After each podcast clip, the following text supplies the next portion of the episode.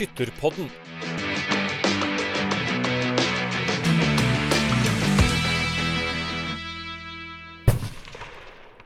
Kjære alle sammen, da har vi endelig kommet til episode 50.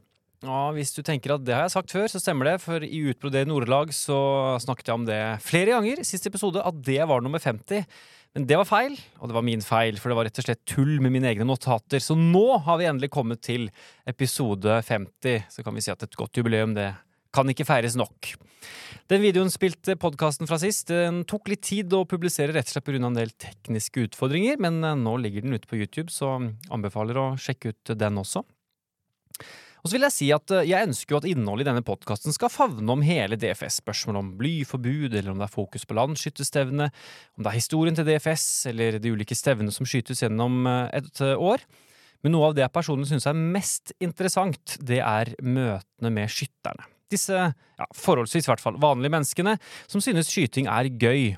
Det gjelder de som har ett mål for øye, og det å bli, altså bli skytterkonge eller dronning, men også dem som er med uten de altfor store ambisjonene. Jeg vil tippe at de aller fleste faktisk vil bli skytterkonge eller skytterdronning, men det er jo ikke alle forunt å kjempe om det, og det er også helt greit. Det har derimot dagens gjest gjort, for hun har eh, gjennom sin skytterkarriere i hvert fall, fall representert eh, Steinsgård, og selv om det nå er Hørland Bjørklangen som gjelder for alle penga.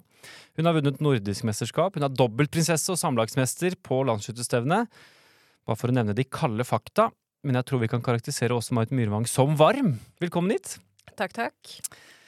Hvordan er det å være med i Skytterpodden? Eh, litt eh, rart. Ja, men eh, gøy. Jeg gleder meg. Det kommer til å gå veldig bra. Ja, tror det. Jeg tror det. Vi må jo alltid begynne. Vi skal jo på en måte Du er jo gjesten, og du er jo tema i dag, da, også Marit. Så vi skal gå liksom litt gjennom deg og hvem du er, og skytteren også Marit. Men jeg pleier å begynne med litt sånn kleine spørsmålet. Hvem er Åse Marit Myhrva? Ja, hvem er jeg? Nei, jeg da er Åse Marit Myrvang. Er eh, 37 år. Jeg er da fra Nannestad og skjøt for Steinsgård tidligere. Bor nå på Setskog. Eh, lengst øst, omtrent, i Aurskog-Høland. Skyter da for Høland Bjørklangen, som du sa. Mm, jeg er til daglig lærer på Setskog oppvekstsenter. Jeg er faglærer i år. Jobber med stort sett fra første til sjuende klasse, men har hovedtyngden min med femte til sjuende. Noen eh, har hvisket meg i øret at du elsker å være lærer, stemmer det? Ja, det gjør jeg. Jeg syns det er kjempegivende og veldig gøy. Eh, morsomt å få være med unga. Mm. Hva er det, hva er det liksom som er målet ditt da, som lærer? Hva er det liksom du ønsker å oppnå med lærergjerningen, hvis man kan si det sånn? Det er jo å få unga til å vokse og gro og utnytte potensialet sitt. Og se de knekke noen koder. Mm. Klarer du det? Håper det. Håper ja, det, ja. håper det. I dag har vi vært i svømmebassenget, og jeg håper det er noen som har eh, blitt litt tryggere i vann, eller skjønt litt hvordan man skal blåse ut lufta under vann når vi svømmer. Så ja. Tror det. Tror jeg klarer det. Ja.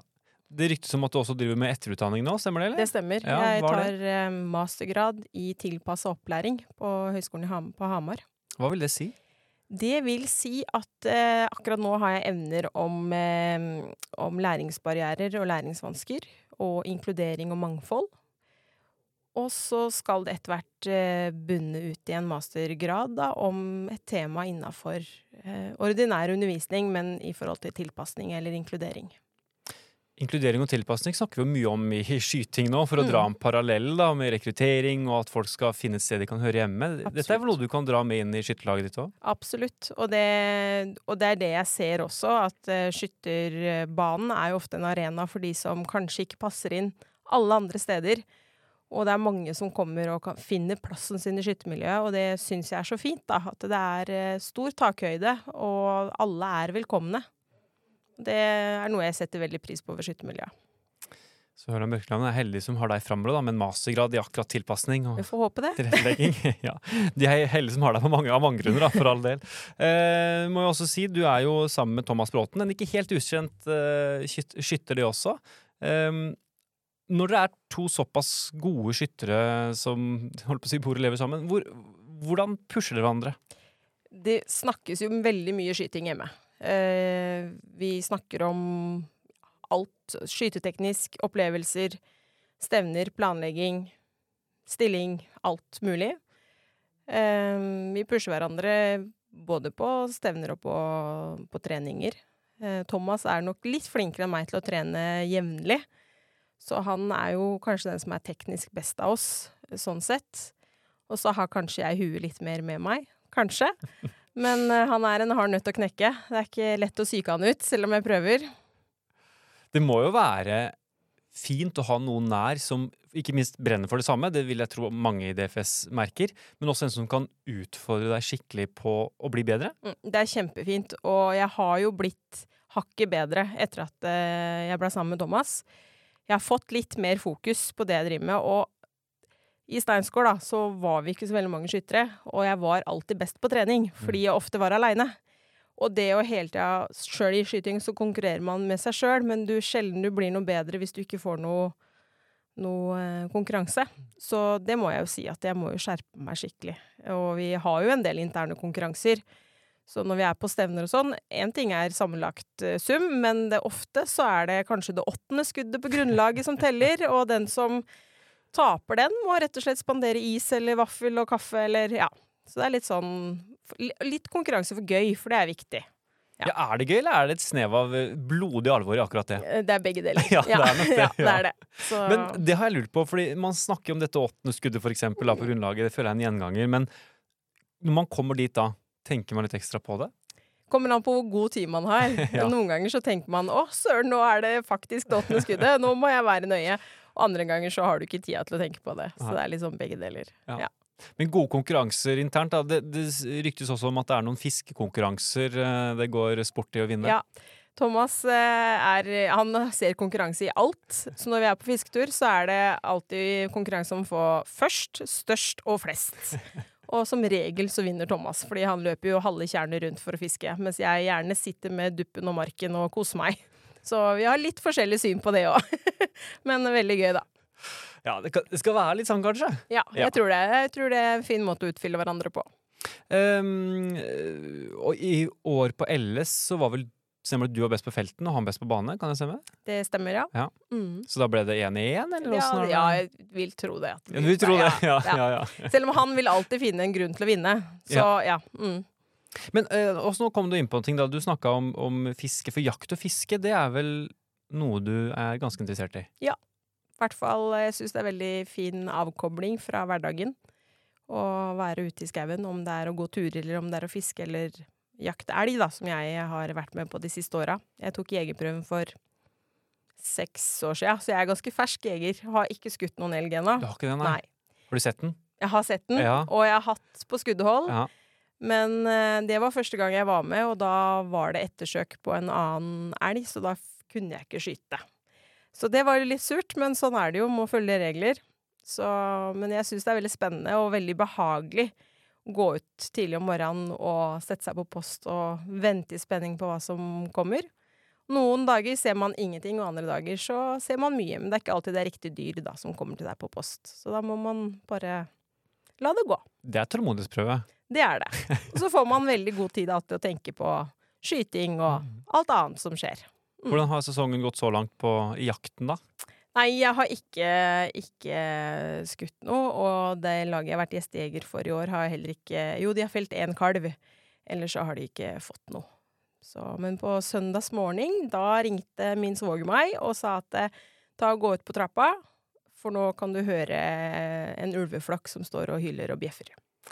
Så det var ikke veldig langt hjemmefra, så hørte jeg ulven, og det er jo akkurat der vi jakter elg, så da er det ikke så rart at kanskje elgen har stikket en runde. Det er flere fiender. Det er flere fiender, det er ikke bare jegeren. Nei. Men så gøy. Men betyr det at uh, ut på tur er noe også du liker? Ja, jeg Ja. liker å Vi har jo to bikkjer, Mhm. Så de trengs jo å trenes og gå tur med, så ofte ute med dem. Mm. Er det bikkjen eller Thomas som eh, du er mest glad i? oi, oi, oi. Du skal ikke svare på det, Nei, kanskje? Kanskje ikke. Nei da, det er nok Thomas jeg er mest glad i, men det er utrolig mye godt uh, selskap i bikkjene også. Jeg spurte en vi begge kjenner forholdsvis godt, og det er ikke veldig stor hemmelighet om det egentlig er, om liksom, det var noen um, spesielt artige historier vi kunne høre om Åse Marit Myrvang. Og svaret var at når det kommer til juicy historier, så er det ingenting, for du er ganske skikkelig. Ja. Er det noe du kjenner deg igjen i? Eh, Både og. Jeg er nok eh, Altså, juicy stuff, så er jeg nok ganske skikkelig, ja. Jeg tror ikke jeg har så mye der. Eh, men eh, jeg er veldig glad i tull og fjas og har mye humor. Så at, eh, sånn skikkelig er jeg ikke. Men eh, ja, er nok ordentlig i jobben min. Og sånn som i DFS sin sammenheng når jeg har vært mye instruktør og sånn, så er det viktig for meg å fremstå eh, ordentlig og seriøs, da. Fordi jeg representerer skytterkontoret, eller DFS, da. Mm. Jeg vil jo understreke at det er greit å være helt skikkelig og Ja. ordentlig også. Det, det er ikke mål om å ha juicy historier her, men Nei, ikke. eh, derfor er det veldig godt å ha deg her, da, en eh, skikkelig og ordentlig person. Hvordan er det å være skyteinstruktør, da, siden du ramla innom den? Det syns jeg er veldig givende, og så føler jeg at jeg blir en bedre skytter av det sjøl òg, fordi jeg får gjentatt alt det grunnleggende og alt det jeg gjør sjøl. For det er ofte ting man ikke er så bevisst på da, som skytter, eh, og i hvert fall ikke, har ikke jeg vært det. Alltid bevisst på hvorfor jeg setter meg ned sånn jeg gjør på kne, eller stiller meg opp sånn på stående. Og det å få, eh, få noen tanker rundt det, og sette ord på det, syns jeg er veldig ålreit. Og så er det jo gøy å se andre andre sine skyttestillinger og hvordan de Altså, for ingen av oss er like.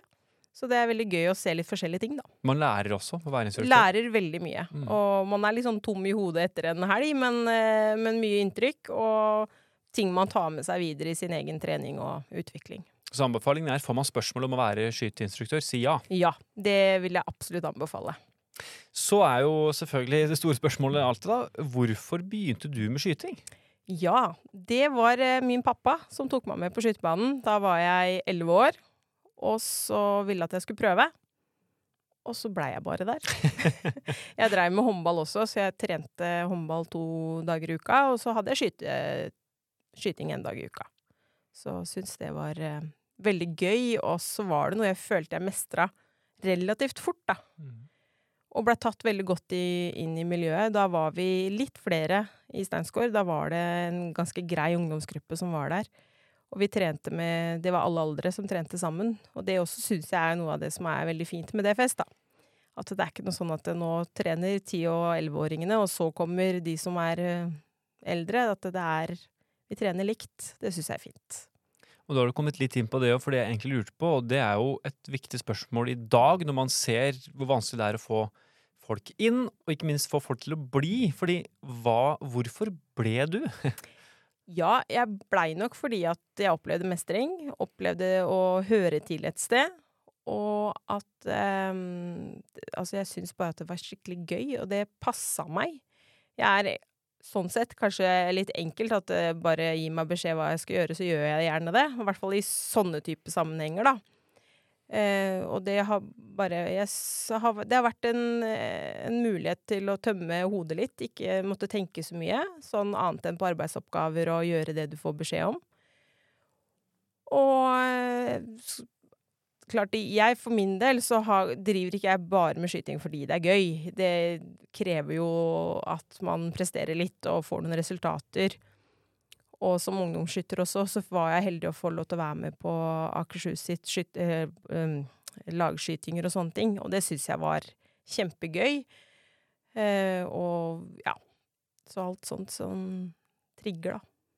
Du, du sier at du er enkel, men hvor, hvor lett er det å holde ungdom, primært da kanskje, i skytterklubbene og fortsatt få til å drive med skyting? Har du noen supertips? Jeg har ingen supertips. Det er jo vanskelig, for det er i, i dagens samfunn så er det så innmari mye annet som trekker. Og det ser jeg i skole, skolesammenheng òg, i timer og alt sånne ting, at du må hele tida finne på noe nytt, fordi at de, tålmodigheten og utholdenheten er ikke så god lenger. Så, så det er et veldig godt spørsmål, og jeg tenker at vi får et eh, skikkelig en utfordring med det i DFS eh, utover å holde ungdommen der. Sørge for at det er et godt nok tilbud til alle. Men det krever da engasjerte både seniorskyttere eller etablerte skyttere. Det krever engasjerte foreldre. Det krever at man har tid til å være på skytterbanen og legge ned en innsats. Hm. Gjerne melde på felles stevner og reise sammen og sette av tid, da. Mhm. Gode tips, i hvert fall. Håper. Men det er ikke nødvendigvis så lett Nei, å få det til heller. For det skal gjennomføres, og noen skal stå i bresjen og ta Mm. ansvaret. Så det er en, en av mange utfordringer man står overfor. absolutt. Det må noen ildsjeler til. Mm. Mhm. Det må det. Eh, vi skal fordype oss litt mer i skytteren også, Marit Myrvang Aang, tenkte jeg. Det er liksom hovedpoenget. Du har jo vært i toppen i DFS i mange år nå, hvis vi tenker DFS her. Mm. her. Og er jo en av de 13 som har blitt minst to prinsessetitler da, fra, fra LS-sammenheng også, så du er jo har vært eh, solid med. Hva er det som har motivert deg, hva er det som motiverer deg for å fortsette nå? Nå så er det jo hele tida og Det er jo jakten på den der evinnelige dronningtittelen. Eh, motiverer meg jo. Mm. Og det å ha delmål underveis motiverer. Og det å få til Altså, ja. Det er egentlig bare mestring. Kort og godt mestring. Og miljøet. Ikke minst miljøet. Det kjenner jo Nå har jeg litt sånn pause. Eh, jeg er litt avhengig av det i løpet av sesongene. Og da kjenner jeg jo nå at nå er det snart på tide å ta seg en tur på skytebanen mens det er folk der, og prate litt og ha tid til å ta en kaffekopp. Og jeg gleder meg til stevner begynner igjen, og vi kan reise litt rundt og sånn. Mm. Så bra. Og det går jo fortsatt bra. Altså, du var jo med i Ja. nordisk i år, det er jo ikke lenge siden det ble avholdt. Du ble nummer to på mm. baneskytingen der etter, etter omskyting. For å ta det først, da, hvor fornøyd var du med, med det? Jeg var eh, veldig godt fornøyd med gjennomføringa av 25-skudden. Eh, hadde veldig eh, fokus på det jeg skulle gjøre. Og så var jeg Kjente jeg at jeg lå på skive 1 når vi skøyt finalen i det grunnlaget, og da kjente jeg var fryktelig urolig på de første stående skuddene, og sa med en gang vi hadde skutt at de to første, de stakk. Mm. Og på grunn av høyt spenningsnivå i kroppen, så stakk de da til en åtter og ikke til en nier. Og derfor tapte jeg på en måte førsteplassen, da. Men så var jeg ute i omskyting med Pål Øyvind Ørmen, og da tenkte jeg nå, dette må jeg bare mobilisere og få til. Og ja, klarte det jo. Så det er godt fornøyd med det. Og etter en sesong som har vært litt ujevn, jeg har ikke følt meg så trygg på skytebanen fordi jeg har ikke like mye trening og ikke like mange gjen- stevnegjennomføringer som jeg har hatt tidligere år. Så, så er jeg godt fornøyd egentlig med årets sesong. Det Eh, hvordan går du inn i en konkurranse som nordisk, da, som jo er en litt sånn elitekonkurranse, men du også møter folk fra andre land, selv om Norge er ganske suveren der, da? Nei, altså jeg syns jo bare en sånn nordisk uke er kjempegøy, og du går i en sånn boble. Du glemmer omverdenen litt rundt, for det er skyting, det er trening, det er eh, prate, bli kjent med nye folk. Eh, jeg bare suger til meg alt og syns det er bare veldig stas. Det er veldig sliten når du kommer hjem da på søndag, men, men veldig gøy. Um, Trener du noe spesielt imot nordisk, eller liksom lar du det nei, flyte jeg- inn? flyter nok veldig mye inn, men jeg sørger for at feltutstyr og alt, og børser og sånn er i orden, og at det er greit. Og så er jeg litt sånn, har brent meg en gang før på nordisk, at jeg har trent ganske mye på treningssamlingene, og at jeg egentlig ikke har vært så sulten, eller hatt så lyst til å skyte når konkurransedagen har vært der. Så de siste åra har jeg holdt lite grann igjen. Og det Første gangen jeg gjorde det, så ble jeg nordisk mester, og i år så ble jeg nummer to. Så det, jeg tror det For min del så er i hvert fall det å ikke skyte flere hundre skudd på trening noe suksess, da. Fordi jeg egentlig ikke trener så mye til vanlig. Så blir jeg litt sånn skytetom når, hvis jeg trener for mye. Det er jo interessant. Det er jo, folk har veldig ulik måte å klare å forberede seg til store arrangement på. Mm. For deg så handler det om å holde igjen. Mm. Spennende. Eh, du ble mester, nordisk mester i 2019 og har jo med den tittelen til Odel Mm. Eie. Eh, det er jo veldig deilig. Um, vi diskuterte jo litt på forrige podkast dette med nordisk når vi oppsummerte, og litt sånn Trenger vi egentlig en- et, konkurranseelement som nordmenn stort sett bare vinner? Og, og eh, hvor stor er egentlig konkurransen? Vi hadde våre tanker sist, men du som har vært med og selv er nordiskmester, hva trenger vi egentlig nordisk? Eh, Både ja og nei. Jeg syns jo vi trenger det eh, fordi det er en måte å holde litt liv i, i både Danmark og Sverige på. Eh, og det er jo morsomt å se når de lykkes også. Og sånn som Elin Olin, som eh, har vært oppe og klådd oss, eh, begynner å nærme, er det Jeg syns det er veldig fint. Også de svenske ungdommene som eh, også har begynt å fått et skikkelig godt lag.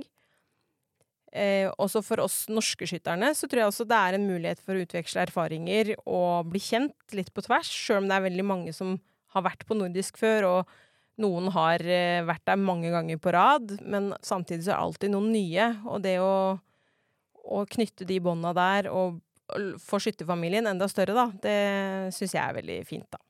Mm. Ja, For det blir ikke, det blir ikke for elitepreget.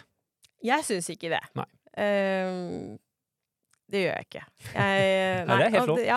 Og så er det som Pål Øyvind eh, skrev òg i Skyttertidene, så- eller når han ble intervjua, at uh, han syns at det er stas å representere Norge. Og jeg syns òg det. Jeg føler meg veldig heldig Mm. som får lov til å reise en uke og skyte for Norge. Det er uh, Jeg syns det er ærefullt. da. Jeg syns det. Veldig godt uh, element som ikke vi har vært innom. Og så må jeg understreke at det er ikke nødvendigvis min, min agenda å droppe nordisk, men det er, bare, det er en interessant tanke om eh, altså, hvordan passer inn i DFS og hele den Mm. pakka der. Jeg synes det er i hvert fall viktig at vi har gode argumenter for hvorfor vi skal ha det. Absolutt. Og, og det er jo litt sånn at man kan se at det er for eliten eller toppskytterne. Men, men nordisk òg handler jo igjen om å prestere gjennom sesongen. Mm. Um, så jeg tenker jo at uh, det systemet som Skytterkontoret har nå for å ta ut deltakere, det sikrer òg bredden litt mer. At du, da er du en eh, god feltskytter, så kan du klatre mye på det. Mm. Og allikevel er du ganske habil på bane, så kommer du med. Så det er jo bare å stå på. Mm. Ja, det er gøy. Så, men grattis da med godt nordisk eh, Takk, takk. gjennomføring. Det var bra. Ja. Eh, vi skal spole litt tilbake i tid. Vi må ta prinsessetitlene. Du er jo eh, Det vet du jo veldig godt selv også, men det er klart at du har jo klart i kunststykket å bli prinsesse to ganger, men ikke vært beste kvinne på LS noen gang. Mhm. Fordi det, du har kun vært prinsesse når du ble dronningseiere. Ja. Hvordan er det? Det er litt snålt, litt rart. Ja. Eh, det er det. Eh, første gangen jeg ble prinsesse, så trodde jeg ikke at det kom til å skje. Fordi jeg var i prinsesselaget og hadde ikke blitt kåra prinsesser i prinsesselaget på ganske lenge. For de kom jo alltid i kongelaget. Mm. Og så til slutt så sto vi jo igjen en hel flokk som hadde lik poengsum. Eh, både gutter og jenter eh, på scenen der. Og så kom jo disse andre og slo oss, og det var jo egentlig forventa. Men så var det sånn eh, Måtte vi ut i omskyting. Og så var det sånn som de sa at vi veit ikke om eh, din og Kine sin omskyting vil Mm. telle. Mm. Fordi hvis Eileen taper omskytinga, så Mm. blir hun prinsesse. Vinner hun, så blir en av dere prinsesse. Mm. Vi må bare skyte og se. Og det måtte de gjøre likt samtidig, fordi på grunn av lysforhold, da. Mm. Så Nei, så det var Det var helt merkelig. Eh, og ja, jeg syns det var veldig stas og veldig gøy da òg, men, eh, men, eh, men det syns jeg var eh, rart, da, å bli det fra prinsesselaget og ligge såpass mange poeng bak, da, som de aller beste. Veldig gøy, fordi når du sier det nå, for det har jeg ikke tenkt på, men det var jo Kine Gjerstad Eide som da også kunne bli prinsesse to Yes. ganger, men hun var det også i 2005. Helt riktig. Eh, veldig gøy, egentlig. Um, dette var jo i 2015, da, for Mm. dere som ikke har dette. I og med at Eileen Torp vant, så ble dronning, så ble du eh, prinsesse. Jeg så igjen nå, da, selvfølgelig, dette, disse klippene som lå ute på NRK. Og etter at du vant prinsesselaget, så lå det jo godt an. Da, da ledet du jo eh, sammen med Nå husker jeg ikke hvem det. Tor Gaute, var det det? Tor Gaute, ja. faktisk, inn før kongelaget Ja. skulle skyte. Og da var du ganske offensiv. Du Ja. var litt sånn, ja, jeg vet ikke, hvor, hvor, bevisst var det? For det var som det- ja, hvordan kan Nei, det kan Det var nesten så sånn at du kunne gå hele veien òg. Ja, og, og det er sånn eh, For man veit ikke. Nei. Og, og det her Det med å skyte på kongelag, det er veldig spesielt. Og plutselig så sitter du i midten, og er du skeiv, så er du skeiv. Og da Mm. ryker det plutselig mange poeng, og det er litt rart, fordi vi skyter jo altså så mange omganger i løpet av en sesong, og stort sett så banker man inn 99 eller 100. Mm. Og så her sånn falt jo bare folk fra, Mm. så du tenkte bare i alle dager. Og da blir det Det tennes jo et håp, da. Ja, ja, ikke ja. Så, og det var jo første gang jeg var så høyt oppe på landsskytterstevnet som senior, så det Ja. Man håper jo alltid. Hvordan er det å bli prinsesse? Det er veldig gøy. Ja. Det er det. Du skjøt deg jo opp, da. Som sagt, du lå i prinsesselaget utenfor Og den gangen var det vel 16 i kongelaget òg, tror jeg. Mm. For det var jo fire eller to Ja, mange som hadde samme poengsum. Eh, så du skjøt deg inn til en fjerdeplass totalt sett, altså, Mm. fra utenfor kongelaget. Utrolig imponerende gjort. Ja, det er veldig bra. Ja. Det er, Ja, det er det. god opphenting. Ja, det er veldig god opphenting, Ja. er det faktisk. Så det er imponerende gjort. Um, Husker du sesong Altså, jeg scrolla gjennom sesongen din 2015. Jeg følte det, så liksom, det gikk litt opp og ned, men du hadde vel 3,48, tror jeg, den sesongen nå? Lurer Jo, jeg jeg tror jeg hadde 3,48. Jeg tror det, men det var mye La oss si 3,45 og ned, da. La oss si det sånn. Ja. Hvor forberedt var du på at du kunne kjempe om en prinsessetittel når du kom til LS? Ikke veldig forberedt i det hele tatt. Nei. Det var jeg ikke. Så det var en eh, sånn snål sesong. Eh, gjennomgikk et samlivsbrudd, så vi drev med flytting og alt oppi alt. Og flytta hjem til mor og far på pikerommet og tenkte at eh, ja ja, landslagsstevnet får gå som det går. Jeg skal opp og ha det gøy og sosialt og bo på skyttercamp og ja. Mm. Se folka. Mm. Mm. Ble, ble da altså fokuset opp noe annet? Fokuset var ikke 'jeg skal prestere', men fordi, altså, det er det samme åssen jeg gjør det. Nå vil jeg møte folk, nå vil jeg bare være her. Ja. At du slapper av mer av. Ja, det tror jeg nok. Og det, det tror jeg nok. Og og, man kommer inn som Jo da, man er en habil skytter, men ikke en toppskytter. Så, så det òg har nok vært en fordel tidlig på, da. At, eh, at eh, du var Kunne være med i, med i kampen, men samtidig så var du ikke helt bankers, da. Hvordan var den følelsen når du innså at 'oi, jeg er faktisk så god'? Husker du det? Nei, det husker jeg ikke, men det hender jeg klyper meg litt i armen ennå og tenker jaha, er jeg en av Norges uh, toppskyttere? Nei, det kan ikke stemme. Det er, disse her folka her ser jo jeg opp til, og har som mine forbilder, på en måte. Så, så det er litt rart for meg når folk eh, kommer bort og bare 'Sønnen min er kjempefan av deg.' Så bare 'hæ? Hæ? OK?' Ja. Så mm. Det jeg er jo bare meg. Du er bare deg. Ja. Ja. men det er jo det som er så fint. Og det er, det er noe av det jeg elsker ved DFS, er hvordan helt vanlige, vanlige mennesker som bare er meg, Mm. kan gjøre det så bra, da.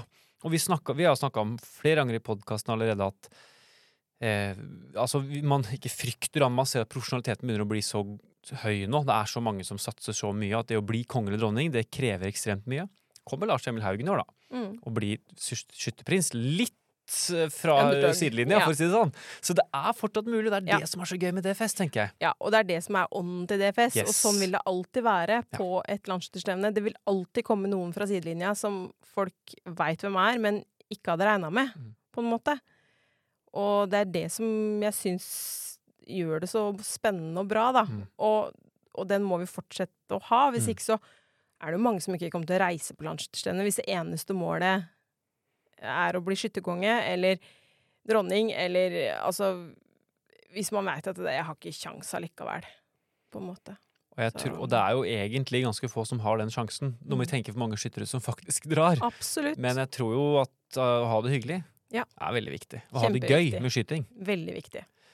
Du viste jo hvor sterk du er i hodet, da, for du skjøt jo 100 i omskytingen i 2015. Mm. Det er ganske bra jobba, det. Det var Eller var du sånn liksom da eller, Jo, men da skjøt du jo faktisk for noe. Ja. Fordi når du skjøt i prinsesselaget, så skjøt du jo i misforstått ikke for noe. Det lå vel Var det ikke fire jenter da, i Jo. det kongelaget? Jo, Eh, så da var det på en måte Du skulle jo på en måte ikke bli prinsesse. Nei. Det var jo, altså I første gjennomføringa så var det jo bare å prøve å gjennomføre så godt som mulig, og så Ja. se hvor langt det holder. Og så i omskytinga så var det sånn søren heller, nå må du skyte bra. ja, nettopp. Og så, så fikk Men jeg var ikke så nervøs da heller, nei. fordi at det var på en måte Og det var litt rart å gå inn og ha omskytinga der, ikke vite om man skulle telle. Det er akkurat det. Mm. For det var jo bare dere to, deg og Kine, fordi Mm. alle de andre gutta var jo ute. For det var jo Mm. Bryn og, og Mm. Så det var jo Kongeprins var på en måte Ja. allerede der. Det er veldig gøy. Vi hopper to år fram i tid, for det går bare to år, da. Mm. Eh, så ligger du i god posisjon, men da har du jo skutt mye bedre på vei inn, bare for Mm. å ta prestasjonen først. Ligger på skive fire, lik poengsum som Rasmus Løberg, poenget bak Katrine Mm. Onstad Lund og Tor Gaute Gjøingsli. Eh, hvordan var sesongen 2017, altså inn mot LS? Da, da var var du prinsesse fra før. Mm. Plutselig har du jo et navn. Mm. Sesongen inn mot LS i Førde, det var eh, Da var jeg mye jevnere. Jeg hadde mm, akkurat eh, blitt eh, kjæreste med Thomas tidlig på i sesongen. Hadde mye skyting. Hadde fått friska opp alt det man hadde glemt, for vi snakka veldig mye skyting. Jeg var så trygg på det jeg skulle gjøre på standplass. Var så trygg på mine arbeidsoppgaver. Og at jeg visste at eh, ja, men det her får jeg til. Eh, og jeg husker Eh, for jeg skøyt ganske seint på dagen. Og så husker jeg Thomas sa, eh, for vi hørte på skytterradioen i, eh, i kombicampen, og bare 'Har du tenkt å bli prinsesse eller dronning i år, så må du holde i, for Katrine har skutt 2,49'. Mm. Jeg bare 'ja ja, men det skal vi få til'. og så skyter man 2,48, og, og det var veldig Jeg hadde nerver, men samtidig så følte jeg at jeg klarte å kontrollere de. Det kom en nier på et kneskudd på grunnlaget. Men, men resten fløyt. Um, så det var en god følelse. Mm. Mm. Hvor kom den andre nieren? Husker du det? Eh, Den kom vel sikkert på ståendsserien, vil jeg tro. Ja. Mm. Men du ligger som sagt høyt oppe, og eh, du skyter deg jo opp Mm. til en annen plass. Så Mm. det er Det står mellom deg og Katrine. Eh, når du sitter Altså, du sier vel, tror jeg også, til han NRK-journalisten Jeg unner jo alle de andre gjør det godt også. Mm. Er, er er det ikke en utrolig sånn ambivalent følelse? For du, på en måte håper du at de skal gjøre det dårlig, slik at du selv kan lykkes. Mm. Men så er det jo gode skytterkollegaer som du også vil skal lykkes. Mm. Hvordan er det å sitte der liksom, og kjenne på alle de følelsene? Det er veldig rart. Og du, du er som du sier, det er veldig ambivalent. For du har lyst til å få til det sjøl. Og Mm. det er kanskje eneste gangen jeg hadde kjangs til å ta hele greia. Men samtidig så har du så lyst til å se de andre lykkes, og det er viktig for meg, da, og at andre lykkes. Um, så det er veld, veldig snålt. Du kjemper litt sånn indre kamp med deg sjøl. Men så var det sånn som Hun var bedre. Mm. Hun skøyt et poeng bedre enn meg innledende.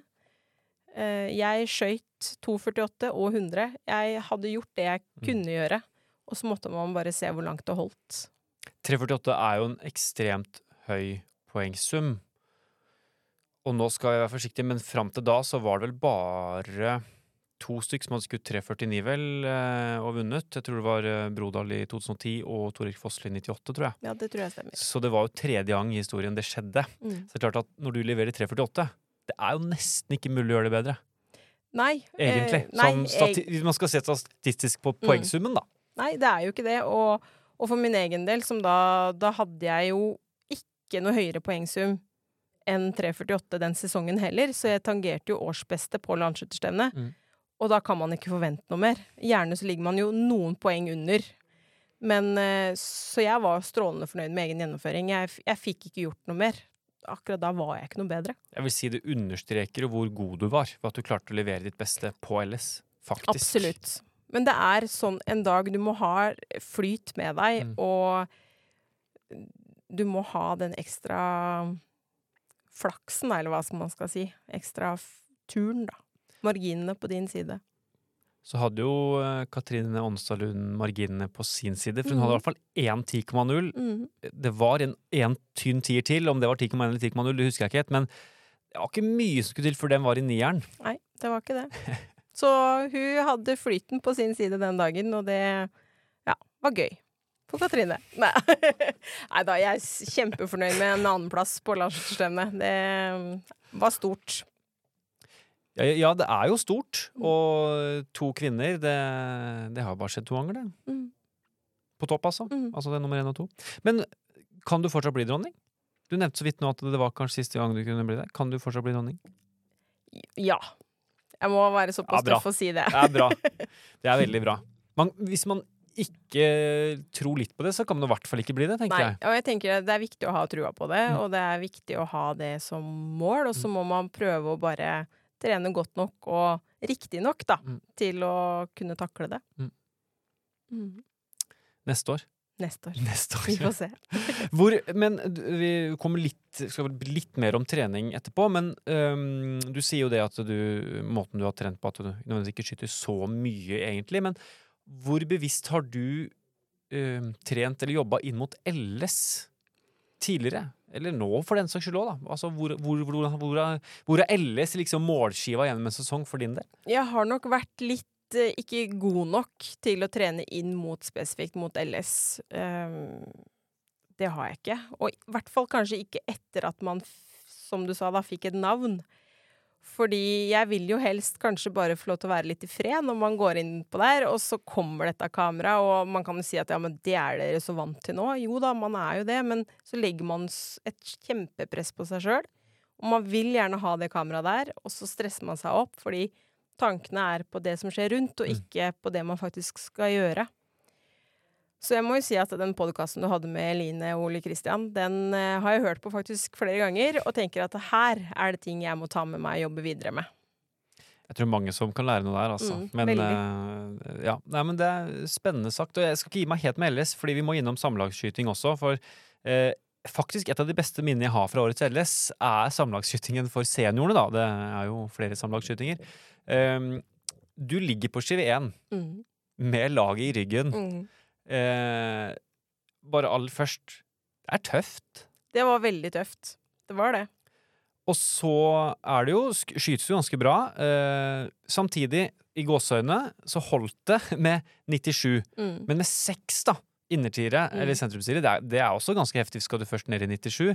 Absolutt. Um, og så var du veldig spent, og så skyter du 98 med fire. Det betyr at hadde du skutt nier på siste skuddet, så hadde dere ikke vunnet. Nei. Eh, og det, jeg husker er så godt, er den lettelsen fra din side. Ja. Og det er kanskje en av de største lettelsene på årets LS, tror jeg. Ja, de så tror eh, egentlig. Eh, hvor viktig var det å vinne den, den sammenslutningen basert på at du lå på skive igjen? Det var veldig viktig. Veldig viktig å ikke skuffe gutta på laget. Ja, for Fordi- det var det jo. Bare gutter. Bare gutter. Og, og, og vi var sånn i forkant bare ja, hvem skal skyte på hvilke etapper og sånne ting. Og jeg sa det spiller egentlig ingen rolle for meg. Plasser der vi tenker folk er best. Mm. Så blir jeg plassert som ankerkvinne og tenker ja ja, greit, vi får ta den jobben. Eh, men man går jo inn med litt ekstra høye skuldre.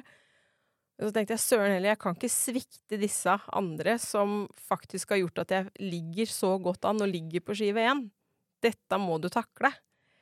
Og det å få til det Jeg var veldig letta, og jeg var fryktelig nervøs. Jeg er spent på egen skyting, og klart man kan si at ja, men når du har skutt, så, så får du ikke gjort noe mer. Skuddet har gått, ja. Og, eh, men når du er så nervøs og er så spent, så klarer du ikke å lese skuddene dine så godt heller. Så det var en lettelse å få den anvisninga. Mm. Men fordi du visste at det var et par skudd der som hadde gått litt lenger ut enn de skulle? Ja. Det ser man jo. Og det, ja, det, Ja. det ser man jo. Imponerende at du, du holdt i der. Har du noen teknikker for hvordan du takler press og stress? Ja, jeg prøver å ha fokus på arbeidsoppgaver. Høres veldig kjedelig ut, men det hjelper. Ja. Og så puste godt. Og det er spesielt viktig da på konkurranse som samlagsskytinga, hvor du faktisk skal skifte stilling. Det å ikke glemme å puste. Eller ja, man må huske å puste mellom stående og kne. Så man ikke bygger opp ekstra puls på kne. Så det har jeg tatt med meg eh, egentlig siden jeg drev med yoga. Å ta noen skikkelig dype pust ned, langt ned i magen, og ha fokus på pusten inn i Kjenne pusten i kroppen, da. Hjelper det å få de andre tankene om at nå må jeg treffe midt i, bort? Ja, Det gjør det. For da går eh, kroppen litt mer på autopilot, og kroppen gjør det han skal gjøre. Det er jo veldig bra. Du hadde med deg Halvor Trane Svendsen, Thomas Bråten og Lars David eh, Øvrum Mm. junior. For så vidt på laget, så har vi nevnt eh, gjengen, Ja. da. Hvor mange ganger har du vært eh, ankerkvinne på samlagsskyting på LS? Vet du det? Mm, som fall senior Ja, som senior. har jeg vel vært én eller to ganger. Ja. Og så var jeg det i 2003 på Oppdal som rekrutt juniorskytter. Det gikk også bra. Det gikk også veldig bra. Og det må jeg innrømme at jeg ikke fant ut før nå. Ellers hadde det vært en perfekt historie. At du liksom er Mm. samlag, altså, du er ankerkvinne og vinner med 20 års mellomrom. Mm. Som junior junior, altså med juniorlaget og seniorlaget Mm. for Akershus. Eh, imponerende, det òg. Ja da. Det er jo gøy. Og det snakket jo om 2003 på forrige podkast, for da var det jo for så vidt en reportasje om Kristine. Og der Mm. ser vi et bilde med deg, Ole Kristian og Kristine og hele gjengen. Så dere var, dere var med da òg. Ja da, var det. Og jeg husker det landsskytterstevnet veldig godt. Det gjør jeg. Så det mm. Så Og. Kristine har jo vært alltid et forbilde, sjøl om vi er like gamle, så har hun jo alltid vært god. Så ja. Å, sånn irriterende mennesker. ja veldig irriterende. Ja. Så det er litt godt at du ikke er så aktiv. Nei da. ja, ja, ja. ja Nei hun gidder ikke lenger, tror jeg. Nei. Men det er jo uh, veldig gøy å høre, og det var uh, morsomt at dere lyktes. Og så litt sånn klisjé-teit spørsmål, men hva er det største du har opplevd på skytebanen? Nå har vi jo vært gjennom det som tilsynelatende kan Du kan velge mellom de, i hvert fall. Mm. Er det noe annet som trumfer det? Nei, det er jo ikke det. Det er jo Det største i lag er jo det som skjedde i år. Og for individuelt er jo Førde. Mm. Det er det. Mm. Mm. Og klart, det å skyte 350 første gang også var kjempestort. Men sjøl om ikke det eh, for, for noen skjer jo det hele tida, men, eh, men eh, ikke for meg, da. Så det var eh, Det er gøy når man lykkes, og det man takler Ja. For hjernen er påskrudd, for å si det sånn, så at tankene kommer jo. Og man tenker jo at nå, nå kan det bli bra! Så det, det å prøve å holde det unna, da, og få det til. Min sterke oppfordring der ute er må aldri sammenligne deg med Daniel Sørli og Rasmus Løberg, gjengen der som gjelder 350. Nei, det, aldri. Det er, det er ikke Det er håpløst. Det, det er ikke for hvem som helst, Nei. altså. Det er ikke det. Men hva blir målene framover nå på skytebanen, da? Målene vi har jo snakka litt om dronning og Ja. muligheten, at ja, du har jo den, liksom. Er det andre mål? Altså, ja? Ja, sports, altså resultatmessig så er det jo å gjøre så godt man kan hele veien. Um, det, det er det. Og så håper vi at en gang i fremtiden så ligger det en uh, dronningtittel der. Nei. Jo, det kan vi håpe på. Ja, vi håper på det. Men, vil du bli, men blir du skuffa hvis du ikke får det? Nei. Det gjør jeg ikke. er det en så- fordel eller ulempe når du skal inn i nye dronningtitler nå? Hmm, At du ikke er liksom Du må ha den. Jeg, vet- jeg, vet- jeg vet ikke. Nei. Vanskelig spørsmål og vanskelig å si, for det Ja. Mm. Jeg, det har jeg også sagt mange ganger på denne podkasten, så de som hører jevnlig, blir sikkert lei av det. Men mitt poeng er at man tenker på alle disse som Ja, men du bør bli dronning, og du bør bli konge, og du bør vinne. Men tenk så mange som har skutt DFS, og som har vært gode over mange år, som aldri har lykkes. Mm. Det er ikke dermed sagt at de har hatt en dårlig karriere eller har mislyktes på skytebanen. Så vi, det fokuset om den konge- og dronningtittelen er, litt sånn Jeg er så ambivalent med den, fordi den er så viktig og henger så høyt. Samtidig så er det ikke det som er avgjørende for om man har lykkes som skytter i sin karriere. Absolutt ikke, og det Om man har lykkes altså så lenge man holder på, tenker jeg, Mm. at eh, og man er med og bidrar inn i miljøet. Så, og det er som du sier, at det, det er et fåtall av oss som kan nå helt til toppen. Mm. Og det, vi har ikke vært noe dårligere skyttere, selv om vi ikke tar eh, tre, fire, fem, seks eh, kongetitler eller dronningtitler, som noen eh, jakter på. ja. Ja. det kan du si. Det er veldig bra. Men du har jo vært en god skytter over mange år. Hva er liksom dine tips? Og instruktør har du vært, vi har snakket om det. Eh, Vi har vært litt innom det også. Men hva er dine tips og triks da, for å bli en så god skytter som mulig, da? Finne en treningsform som passer deg, og, en, og, og bygge opp eh, stevnekjøret sånn som passer deg. For der er vi veldig ulike. Sånn som Daniel skyter jo gjerne alt, eh, og dårlig tid mellom stevnene og sånne ting, det passer ikke meg. Mm.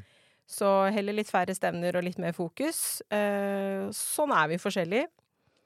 Mine tips er å ha det gøy med skytinga. Er det en dag man er på skytebanen og tenker at dette gir meg ingenting, nei, så pakk sakene dine reis hjem igjen og finn på noe annet. Mm. For for min del så er det viktig at skyting er lystbetont.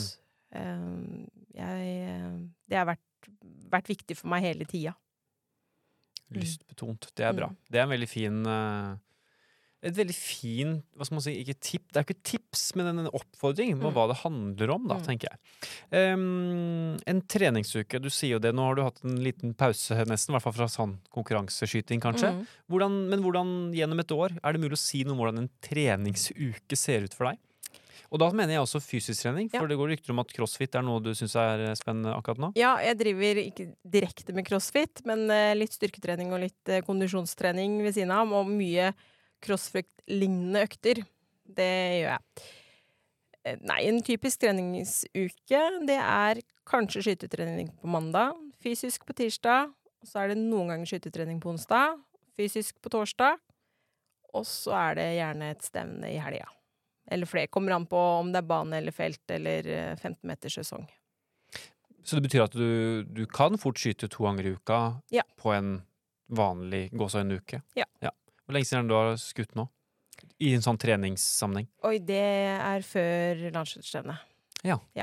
Nå har jeg, eller jeg hadde en noen økter da på skytebanen før nordisk, og så hadde jeg eh, en økt på skytebanen for to helger sia, hvor jeg var eh, helt aleine på skytebanen på 15-meteren og fikk justert litt på reimer og sittestilling og tok ut litt av pøllen og hadde en sånn derre En oppvarmingsøkt da, til 15-meterssesongen. Og så hadde jeg planer om å gjøre litt i høstferien, men uh, tida den forsvant. Og lysta var ikke der, så da tenkte jeg nei, da drøyer vi den litt. Så din oppskrift på å, en lystbetont skyting, som du snakker om, det er å gjøre lite skyting i perioder. Ja. For meg så har det funka. Mm. Jeg har lett for å bli litt lei, Mm. uh, og da da presterer jeg ikke heller. Mm. Og sånn har jeg vel egentlig alltid vært, at når jeg først er på trening, så er jeg der for å gjøre det ordentlig, og for å ha kvalitet på skytinga mi.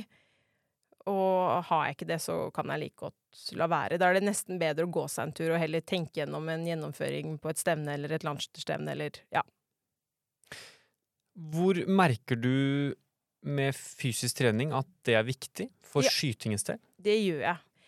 Og det var eh, Jeg har bare trent fysisk eh, nå sånn aktivt og jevnlig nå et år. Eh, og jeg ja, nærmer meg jo 40. Og tenkte at nei, nå må jeg bare ta tak i helsa. Mm. Eh, og nå må jeg få bedre kondisjon og bli, få bedre styrke i kroppen.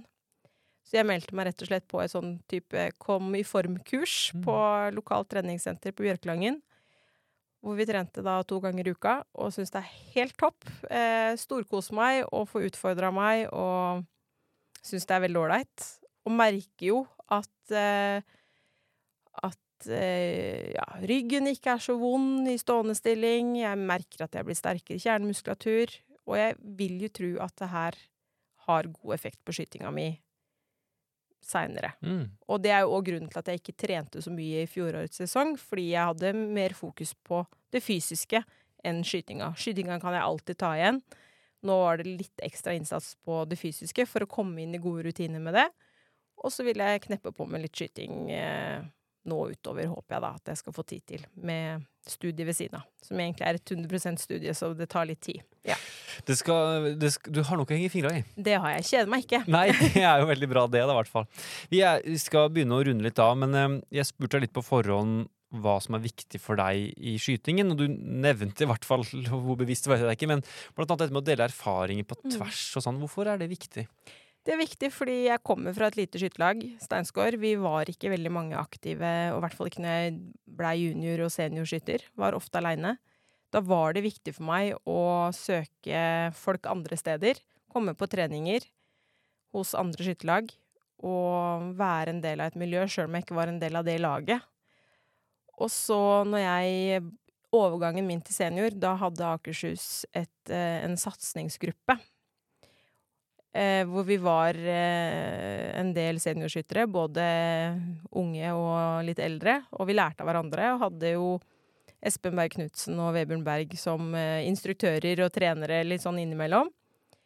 Og det redda meg nok fra å, fort, altså, fortsette med skytinga, for da hadde jeg en eh, gruppe å gå til, Mm. både sosialt og, og skytemessig, da. Og det var nok det sosiale jeg husker kanskje best fra den, eh, den perioden. Men, og det er utrolig viktig, da. Mm. Og det å dele erfaringer og være på tvers det Skal DFS overleve, og skal skyt, de små skytterlagene overleve, så er vi nødt for å samarbeide på tvers med andre lag. Eh, Det tror jeg er veldig viktig. Gjør dere det i Høland Bjørklangen? Ja, eh, det gjør vi. vi har, eh, jeg har i hvert fall vært litt på Rømskog, som ligger enda lenger øst, da. Og mm, vært instruktør der, har hatt skytterskole og sånn for Rømskog skytterlag. Mm. Og jeg syns jo det er viktig, da. Mm. Veldig bra. Og jeg tror jo at uh, i hvert fall de skytterlagene som er litt større òg, at de er Mm. flinke til å se de rundt seg som ikke er så store. Absolutt. Og bare det å kunne invitere til at en kveldstrening At eh, hei, nå er det åpen bane, skal vi kjøre et uh, treningsstevne, eller Mm. så mekker vi noe kveldsmat, eller har litt hyggelig og sosialt etterpå. Jeg Mm. tror det er veldig viktig. Mm. Så ja. Oppfordring gitt der også. Ja. Og så snakka du om at det, du liker de ulike sesongene og ulike grenene. Da antar jeg at Mm. du snakker liksom type felt, innendørs, Mm. bane, kanskje slenge på jakt der i tillegg, Mm. liksom. Hva er det du liker med de ulike Altså, hvorfor liker du at det er litt ulikt? Fordi det er variasjon. ja, Ja. Det er ikke det samme. Nei, det er ikke det samme. Eh, som jeg sa i stad, ting kan fort bli litt kjedelig. Så Mm. jeg liker det. At det er OK, nå nærmer det eller er det høst, nå skal vi trekke inn, nå skal vi skyte 15 meter. Eh, og så kommer januar, og det begynner å bli litt lysere ute, og da begynner feltsesongen, altså går parallelt med 15 meter. Og så kommer vi ut i april-mai, da er det bane, og den varer jo ganske lenge, banesesongen. Men eh, jeg liker de skiftene. Jeg liker at vi har ulike grener. Nå er jeg ikke så mye, eller ikke innom eh, skifelt og sånt, men eh, Snart nå, snart ja, nå. Ja, kanskje.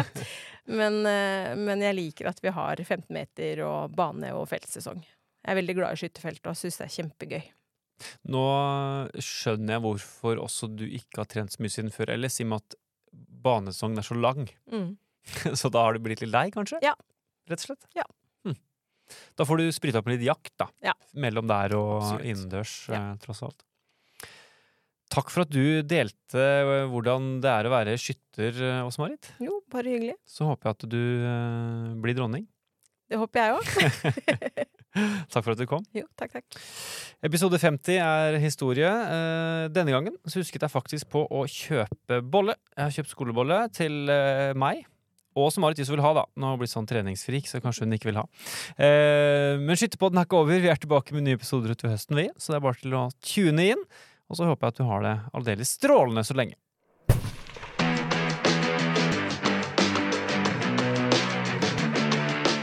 Skytterpodden.